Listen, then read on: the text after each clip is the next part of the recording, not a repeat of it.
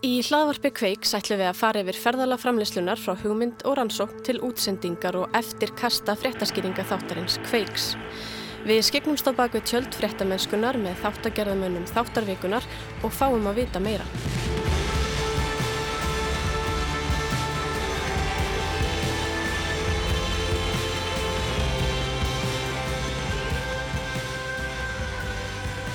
Flestir íþjóttamenn kannast við að fá bolta í hausinn, skella á mótærjum sínum og eru alvanir ímiskonnar njaski. Oftast nær hrista menn af sér óþægndin og sásökan og halda áframleik eða á annar borð hægt. Hvað þá ef meðslinn eru ekki sínileg, engir marblettir eða beinbrott.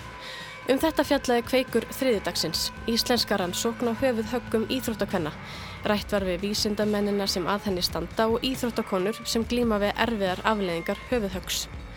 Margar hverjar verða aldrei samar.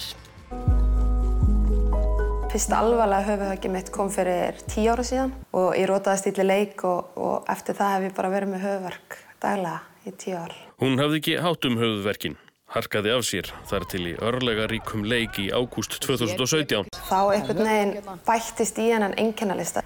Þá byrjaði ég að fá minniströflanir, misti jafnvægið, var með daglega að svima höfuverkirni voru mjög miklir og mikið úttalsleysi hann að fara lífsskilirinn urði allt í einu með slæm eftir það höfuvög og ég einhvern veginn, já, þurfti að hætta í fókbólta og vinnu og skóla. Ég bara algjörlega fór í veikindaleifi og það var bara mjög erfiður og dökku tími. En stóra breytingin var þegar hún komst í samband við Hugrúnu, Marju, Helgu og Láru. Það var alltaf viðsnúningur í mínu lífi að hitta á þær. Og þær kynntu mig fyrir sem sagt þessum hormónaröskunum sem getur orðið við höfuhögg og ég fór í test fyrir það og það kom í ljósa. Ég var einn af þeim mörgum sem eru með það eftir höfuhögg og nú fæ ég sagt daglegan hormónaskamt sem ég spröyta mig sjálf með og eftir það þá jógst úthaldið til muna og ég einhvern veginn fekk doldi lífið tilbaka. Hér heyrðum við brot úr sögu Sörurhundar Helgadóttur Knattspilnukonu. Uh, hún var einn þeirra sem tók þátt í íslensku rannsókninni sem var til umfyllunar í þættinum. Ingólu Bjarni Sigfússon, umsónamaður og Yngvar Haugur Guðmundsson, pródusent þáttarins. Hvernig var að heyra sögur þessara kvenna? Þetta er náttúrulega þessar konur, þessar stelpur, þetta eru bráðungur stelpur, þetta er bara 25-6 ára gamla stelpur sem eru ættirraun og verið að vera hátindi félisins uh, algjör hörkutól í, í fremsturöð og eru allt í hennu bara slegnar kaldar. Annars er það náttúrulega mjög sláandi uh, að eitthvað sem þú þannig sé að sér það ekki, þú ert ekki marun og blár eða brotin og bramlaður uh, valdi því að þú sért bara óstarfhæfur, getur bara eiginlega ekki lifa lífinu þínu og þetta er ekki típur sem maður myndur bara leggjast í rúmið og sjúa þumvilan í, í fórstustællinningunni að því að það er óþægilegt eða eitthvað sliðis eða vegna þess að það eru búin að fá nóg. Já, það var sláandi og það sem er kannski líka sláandi er að vita að þær eru bara hluti af ótrúlega stóru mingi. Þetta er ekki eitt og eitt tilfelli bara fullt að þeim. Það er náttúrulega bara rosalegt að vita til þess að það sé bara fullt að þess á konum og þessi rannsókn á til hvernig held ég elst 45 ára og það að, það að þessi bara konur sem eru búin að vera glíma við eitthvað að þessu tægi kannski 20 ár er, mm. er mhm. bara fáránlegt og það átt einhverju sem að á að vera eða við með sko stíð tengjum við hreistu og, hils, hreistu, hreistu og heilsubót sko, og, og reynist vera kannski ekki alveg það Ummitt, Yngvar, var það kannski það sem kom mest á óvart, svona umfangið? Já, kemur mjög mikið óvart hvað þetta er rosalega mikið af konum og svo það maður sér eins og konur eins og Guðrun Ósk gríðalega hæfileikarík og við ætlum að fara í gegnum efni með henni þannig að maður svona sér aðeins hver baksaðan er sko. Uh, alveg svakalögur nagli sko. Og svo hittum við hana í, á þessum stað sem hann er núna uh, svakalega mikið breyting. Og maður sér hvað áhrifin eru ræðilegur en veru mm -hmm. Og þið sagt, fylgdu þessum viðmeldum eftir um nokkurt skeið og, og er henni köfuð rosalega mikið ofan í þetta efni þannig að þið þekkjaði núna orðið freka vel Uh, var einhvern tíman erfitt að vinna að þessum þætti? Voru einhverju sérstakir álagspunktar?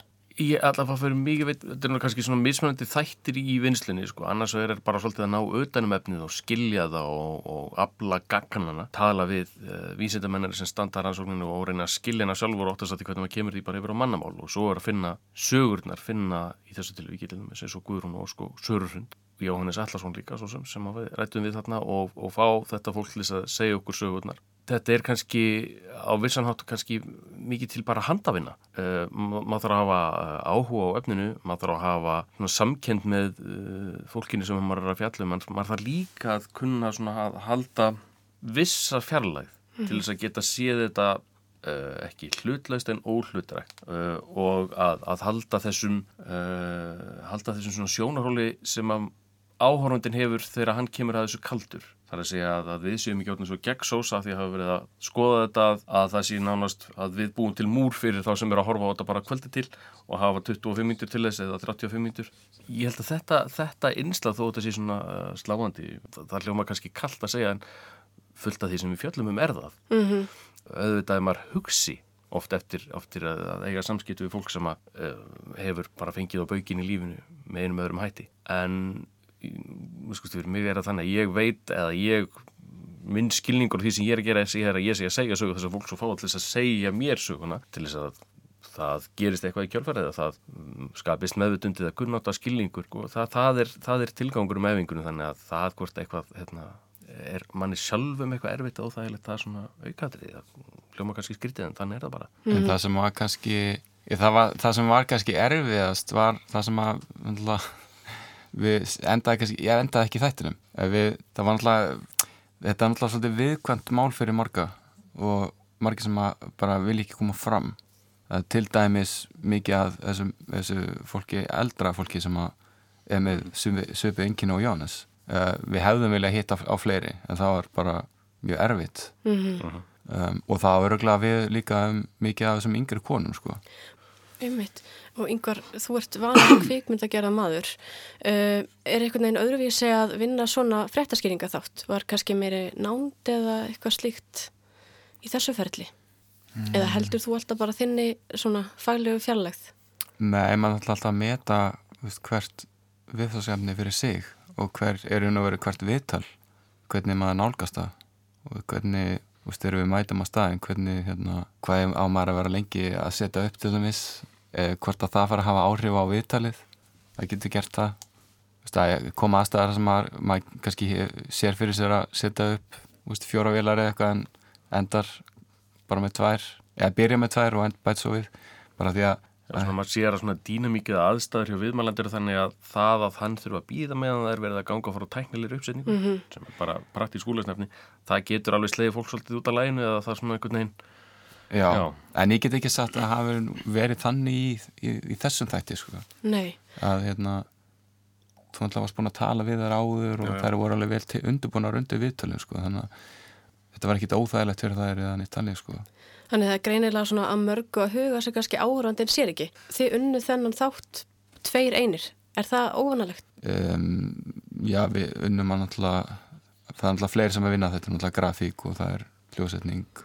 Þessi svona uh, handavinnu parturinn sem að, að hérna, er stæstil hluti, nei, það er nú svona bara megin reglan í kveika. Það er, það er einn umsjónamaður mm -hmm. og mhm. það er einn producent og við erum einfallega ekki fleiri þættinum en svo. Það er, það, þetta er fólkið sem að, það eru fjóru pródusentar og fimm umsjónamenn og þú og uh, skrifta sem er hjá okkur uh, nokkra tíma á viku og það er fólki sem er svona að, að, að, að móka, má segja, þetta er, þetta er, þetta er, þetta er handafina, uh, þetta mm -hmm. er mhm. bara að bera græur, þetta er að ringi fólk, þetta er að Akkurat. lesa pappir, að afla upplýsingar og það er eitt pródusent og einn umsjónamæður sem er með þorra allra mála hér. Maður sá það mitt svolítið á viðbröðunum að hérna, maður var líka var við þetta sem að þið töluðum að harka af sér. Og mér fannst þess að kannski fleiri færu núna að stíga fram á samfélagsmiðlum og tala um þetta viðhorf innan íþróttarinnar. Og um, ég sá hérna eh, á samfélagsmiðlum að það var einhver sem að, einhver íþróttamæður sem hefði tekið þá afstöðu að hann myndi ekki skalla bara framar og talaði um að það hefði haft í förmjöð sér miklar skammir uh, í gegnum hans feril vantar skilning? Ég held að það sé alveg augljóst bara það sem kannski sínir það best eru hérna, klippurnar sem við síndum í þetta það sem að bara fólk er annarkvort fer eða er sendt inn á völlin hvort sem það er handbólta eða fókbóltavöllur kannski algengast þar eh, inn á völlin bara augljóslega snar ringlað og í engu standi til þess að vera inn á vellinum bara, það er augljóslega með heila hristing og á bara vera kvíla og það að, að fólki hitta leiksins svolítið tapi ráðurænu er eitt og að leikmaðurinn kannski sem er annars vegar á fullu í einhverju adrenalínu og hins vegar bara vangaður eftir að hafa fengið, á, á, fengið skell það er ekki hans að taka þess ákvörðun, hann er ekki inn í standi til þess. Það að þjálfarar og sjúkraþjálfarar gerir það ekki og stopp ekki menn hafi við vit fyrir og, og, og hafi berið umhyggju kannski bara líka fyrir fólkinu sem er liðinu þeirra að keppniskapið sé svo svakalegt að þeir fórni eiginlega fólki mm -hmm. sem að vera bara að segja og verð það er bara það sem er verið að gera. Það er verið að fórna hilsu þessara, þessara unga fólks. Það segir mann að það er ekki, það er ekki skilningur og það er ekki virðing borum fyrir þessu og þetta er ekki tekið alvarlega mm -hmm. vegna þess að hvort það er, hvort það er vegna þess að það er ekki blóðslöttur eða beinbrot, veit ég ekki, eða hvort að þetta er einhver svona, það er örgla bland, það er, veist, það er allir einhverju materialinn í rúsi á vellinum en þetta er líka bara svona þessi þetta er bæði íþróttakúltur en þetta er líka held ég svona svolítið Íslandingurinn í okkur veist, að bara býta í axlinn og harka það á sér og halda áfram og já, let þetta nú ekki stafa mig. Og þarna sjáum við bara mjög augljóslega hvernig það kemur í bakið af hólki Hver hafa viðbröðin verið? Var það eitthvað eins og, eins og máttu búast við? Ég veit aldrei hverjum að búast við allavega, ég veit ekki hvað, þú, hvað þið finnst ykkur Viðbröðin, ég held að kannski eftir að við, svolítið eftir að sjá hvernig viðbröðin verða það mm -hmm ég hef tilfinningana að það er rosalega mjög margir eftir að horfa á þáttinn í vikunni eða mm. sérst, það er ekki endala allir búin að horfa á núna Nei, uh, og viðbröðin kom kannski í einhverjum svona, fyrst, fyrstu viðbröðin eru svona fyrst, það sem að maður sér, hérna, fólk er að lýsa skoðan sínum á samfélagsmiðlum eða senda okkur uh, skilabóð eða tölvuposta og það hefur verið aldrei að því og það hefur allt verið mjög jákvægt um, spurningin er alltaf, hvað gerir svo? Verður þetta umræða hérna fram eftir degi eða morgundeginum eða ja, fram eftir viku á samfélagsmiðlum og svo einhvern veginn bara gerist ekki neitt og svo halda bara íþróttamenn áfram að fá á baukinn og eru áfram sendirinn á vellin og finna fyrir þrýstingi að harka af sér eða verður þetta til þess að svona aðeins að liðka fyrir umræði sem augljóslega er hafinn þó hún sé ekki orðin svona um, mjög mikil um að kannski þurfa hann ekki einhverju til og svona auka skilning og fræðslu og, og, og nýka til reglum um hversu lengi leikmaður má vera út af til dæmis eftir að hafa fengið á baukinn meðan það bara verða gangu skúka hvernig hann er. Mm -hmm umræðinum skallæfingar, krakka og fleira til þess að þú gerist eitthvað þar. Það veit maður aldrei fyrirfram, hvort að það sem við erum að segja frá skilar einhverju öðru heldur en skamtíma viðbröðum á samfélagsmiðlum eða meiru. En allavega svona með að við, hvað þetta skiptir miklu máli fyrir þær eins og Sarrind segir sko þegar hún kom fram og hann hefur þetta einhver áhrif á aðra sem er í söpar stöðu hún var sem að kannski eru með enginni, veit ekkert hvað er að gera, finnst þeir vera mjög einir mm -hmm. og áttu svo, svo kannski á því að að það eru bara fullt, fullt af öðrum að díla við nákvæmlega sömur hluti. Ummið, maður svona kannski sé fyrir sér að þetta opnaðins allavega á umræðuna vera kannski minna femnismála að ræða þetta ofinskap. Þetta hún... allavega ekki vera minn skömm vegna þess að það er ekki eins og þetta sé eitthvað, veist, þetta, þetta er ekki veikleika merki, þú varst fyrir, þú, þú slasaðist. Mm -hmm. Hún Hafrún Kristjánsdóttir, doktor í sálfræði sem var einn rannsakenda sem að, hérna, þið rættu við, hún er mitt komaðins inn á þetta með hvað þyrti að gerast í kjölfarið Skulum að heyra hvað hún hafði um það að segja. Ég er síðasta manneskjan til að segja við um að banna íþróttir eða ég myndi senda börnin mín í íþróttir, handbólta, hóbólta, allt saman. En það mætti kannski banna skallabólta í yngri flokkum. Það mætti kannski breyta reglum þannig að þegar að, að leikmenn fá heilarhristing eða mögulegan heilarhristing að þá hafi laknir að sjúkarþálir meiri tíma til þess að meta eins og í fókbólta. Í handbólta, körfbólta þá þarf kannski að, að hafa harðari refsingar við því eða ef að þú gefur leikmanni eh, að minnstakosti vísvitandi eh, höfðhögg. Erum við með nú afgerandi sannanir fyrir því að þetta sé einhvern veginn til þess að fara að grípa til aðgerða? Já, mér finnst það. Mér finnst þetta augljóst út frá þessum tölum sem við höfum í þessari rannsókn og öðrum rannsóknum. Svo kem ég nú sjálf úr íþróttunum þannig að ég hef bara vinkonum mínar í kringum mig sem að hafa ekki geta stund að vinnu, hafa bara lent í því ansi illa. Mm -hmm. uh, Ingólur og Yngvar, hvað nú? Hvað þarf að gerast? Ég held að Hafrún sumerið ágjörlega. Það þarf augljóslega að, að auka skilning og virðingu uh, þeirra sem að koma að leikmennum, þar þess að verða þá kannski þjálfarar og sjúkarþjálfarar, að það sé tekið harðar á því þegar að fólk fær ábækin það er eitt, það þarf kannski bara að auka meðvutund og skilning og, og kunnáttu fólks og þannig að það getur líka átt að sé betur á því hvað erum að vera, á hverju finn ég fyrir einhverjum enginum ef að það gerist. Það, það, það er töluðum það vísindamennir að það þyrti líka, það, það er sögðu eiginlega bara hreint og það þyrti svona hálfgerða heila klíník það, þá er held ég ekki verið að tala um að, að byggja hús heldur kannski að það sé teimi til dæmis inn á grensástild uh, sem að hefur kunnáttu og úrræði til þess að takast á við höfuðögn. Það, það er kannski eitthvað sem það er að gera. Og ég veit að mér skildist á þeim að þeir sem að eru nú svona einna helsta sinna þess að grænsástildinni núna til dæmis verður við þá komast á aldur. Og það væri bara alls óvíst eh, hvað eða hvort eitthvað tæki við.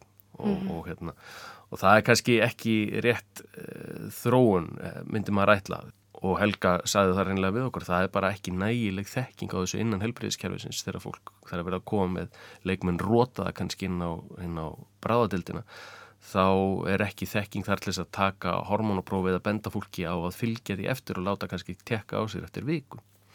Þannig að þetta eru svona aðrinn sem að ætti ekki að vera ótrúlega flókið að taka á. Uh, eru spurningum svona viðþorf og fræðslu ekki einhver gríðarlega fjárútlát en ættu að geta breytt heilmiklu fyrir já, þetta átrúlega stóran fólks. Mm -hmm. Ég sá sérstaklega á samfélagsmiðlu þá að vera að tala um að því þið fóruð inn á sjúkraþálunina hennar og meðferð og e, þar var verið að tala um kannabis til dæmis og svona THC og CBD ólíu við þessum einkjönum og einnig eitthvað sem að kallast sérstaklega EFT tapping eða Emotional Freedom Technique tapping. Skoðuðu þið ykkur svona, ykkur svona aðrar uh, leiðir til þess að fást við uh, heila höfuðáverka? Til dæmis þetta, en þetta er kannski eldfimt svona umræðefni. Ég held reyndar að þetta sé alveg mjög, þetta væri raun og verið alveg sér uppfjöldurræðni þess, þessi kannabisbylgja vissulega er talað um sérstaklega CBD-ólíu, hampólíuna sem, sem eitthvað sem getur hjálpa fólki með ótrúlustu kvilla, það er held ég svona umdelt hversu mikið það er rannsakað en margir greina frá því að þeir hafi fundið fyrir mun. Nei, við vorum sjálfsvegar fókusin hjá okkur var svolítið á þessa rannsókn í íslensku vísindamannara því að hún er líka mjög merkilega tíleitinu til að rannsóknir á hormonatröflunum er eiginlega bara valla til og eitt af því sem við komumst að við þessar rannsóknir að það er bara kringum 3% af rannsóknum á einhverju sem snýra íþróttum er, er um konur, 3% mm -hmm. sem er, er absúrt en, en, en gerði þessa rannsókn íslensku enn merkilegri og, og við vonum svona svolítið á mengin í kringu það við, það var alveg vísendandi ekki sem, sem við tókum ekki inn í alla mögulega vinkla vegna þess mm -hmm. að það hefði bara verið að holdtíma að koma því að þannig að það sé einhvern veginn að skilja hvað við erum að tala um held ég hefði bara verið um mikið mm -hmm. Og þið eru nú alltaf með uh, nokkuð mörg játn í eldinum yngvar, uh, eru þið þegar byrjuð að vinna að næsta efni? Já, já, já, já, já við erum, ég og Yngvar erum nú að vinna öru einslægi sem að er, er nú bara tvær eða þrjár vikur í. Já, tvær eða þrjár vikur, akkurat. Eitthvað sem er hægt að greina frá þessu stöttu eða er það, er það hérna háleinilegt? Það er nú ekki háleinilegt. Ekki háleinilegt, nei, nei, nei. Við hefum svolítið verið að skoða um, norðurslóðir, norður heimskautið og, og Kína eru búin að vera reyndar að hræri þessi í dágóðan tíma og það er nú eiginlega þannig, maður er alltaf með svona allavega tvö ef ekki þrjú mál sem eru svona vel á veg komin í gangi einu. Já, maður stundur svolítið hérna, svolítið, svolítið svona klófin heilin sko og, og, og leiðu við erum búin í þessar uppbyggu til dæmis þurfum við að, að rjúka á smá fund til þess að taka stöðun á öðrum málum og þó þetta mál sé ótrúlega áhugavert og það séu margir vinglar á því og það verði vonandi einhverju umræðið á eitthvað gerist þá, þá er bara vinslan hjá okkur þannig að núna verður við eiginlega að loka bókinni og fór að snú okkur öðru að því að í næstu viku er annar þáttur og, hérna, og við þurfum að skila okkar efni. En svo er, það er kannski svo döður sig að milli dagskakjörmara og, og blagamannana en, en svo fyrir mig þá er ég kannski fyrir í viku í tökur og ég hugsa ekki um neitt annað en þær tökur og svo bara kem ég tilbaka og daginn eftir þá þarf ég að láta það alveg eiga sig og fer að hugsa um þetta einslag til dæmis. Er alveg fastur í því þangað til uh, í dag. Mm -hmm. Tjaldi fellur og næsta teku við. Já, Einmitt. og þetta er eiginlega bara svona andlegt sjokk. Eru búin að vera svona fastur með, með aðteglina á einhverju í, í svona langa tíma. Sko. Já, og þykir vandum eitthvað Já. og svo loksins verða. Þetta er svona búið að vera barnimanns í smá tíma uh, og svo þá má bara... Flíu bara hlirinu. Þá svo ferða bara hlirinu og, hérna, og maður bara snúið sér að næsta. Sko, maður er búin að vera eins og ég læstur nýri í einhverju klippiherbyggi nýri í kallara og, og það eru kannski einhverju örfáur búin að sjá þetta. Og það er alltaf mjög gaman að sjá að, að, að þetta sé komið út og, og fá okkur viðbröð Fleiri fá að njóta. Uh, Hér undir lókin ætlum við að heyra í uh, viðmælendum kveiks og í rauninni stöðunni á þeim undir lók þáttar hjá ykkur þegar maður ætti greina mikla bjart síni og bara áttu hug. Maður vonar að þessi höfverkir mingi. Ég er ennþá að glíma við þá daglega. En í stóru myndinni eru höfverkirnir ekkert svo stórir. Og já, framtíðin er björnt og maður eitthvað nefnir kann að meta litlu hlutunum miklu betur. Ég næ alveg að lifa þannig sé eðlulegu lífi. Ég byrjaði að vinna og farin að æfa ekki eins og ég gerði og ekki í handbólta en ég er farin að geta hreift mig án þess að fá alveg dúndrandi höfuverk þá hann komi alltaf. Maður mann alveg með hverju maður spilaði landsleik sko 1970 maður mann það allt saman. Og leikina jafnvel sko. Svo maður kannski ekki hver hindi í morgun sko. Nema það þarf ekki verið að væla þegar maður er búinn að lifa svona flotta Nei. flotta æfin maður og með alla þessa afkomendur, flottu afkomendur og það er ekki yfir neina skæla sko. Það er náttúrulega kannski sárast og kannski hættir að þekkja barnabönnin sko. Þannig, þannig skilst mér að þetta endi. Þetta voru Sara Hrund, Guðrún Ósk, Marja Stóttir og Jóhannes Allarsson, íþróttamenn og viðmælendur Kveiks sem öll glíma við afleðingar höfuhögga. Jóhannes er með Alzheimer en tali er að tengsl sé á milli áverka heilabilunar eða ótímabærs Alzheimers og höfuhögga. En við náum ekki lengra sinni. Takk fyrir komuna Yngvar og Yngólfur. Að vikuliðinni verður næsti þriðdagsþáttur Kveiks til umfjöllunar í hlaðvarpinu og þáttagerðamenn til viðræðina um hann. Hlaðvarpið er svo að finna í öllum helstu hlaðvarpsöppum og í appi og á vef RÚF. Ég minni á hashtag kveikur á Twitter fyrir þá sem vilja taka virkan þátt í umræðinni og netfangið kveikur at rúf.is fyrir allar ábendingar. Takk fyrir að fylgjast með. Katin Ásmundsdóttir fer með umsón þáttarins, Rakel Þorbergsdóttir rittstýrði og tæknimaður var Markus Hjaldarsson.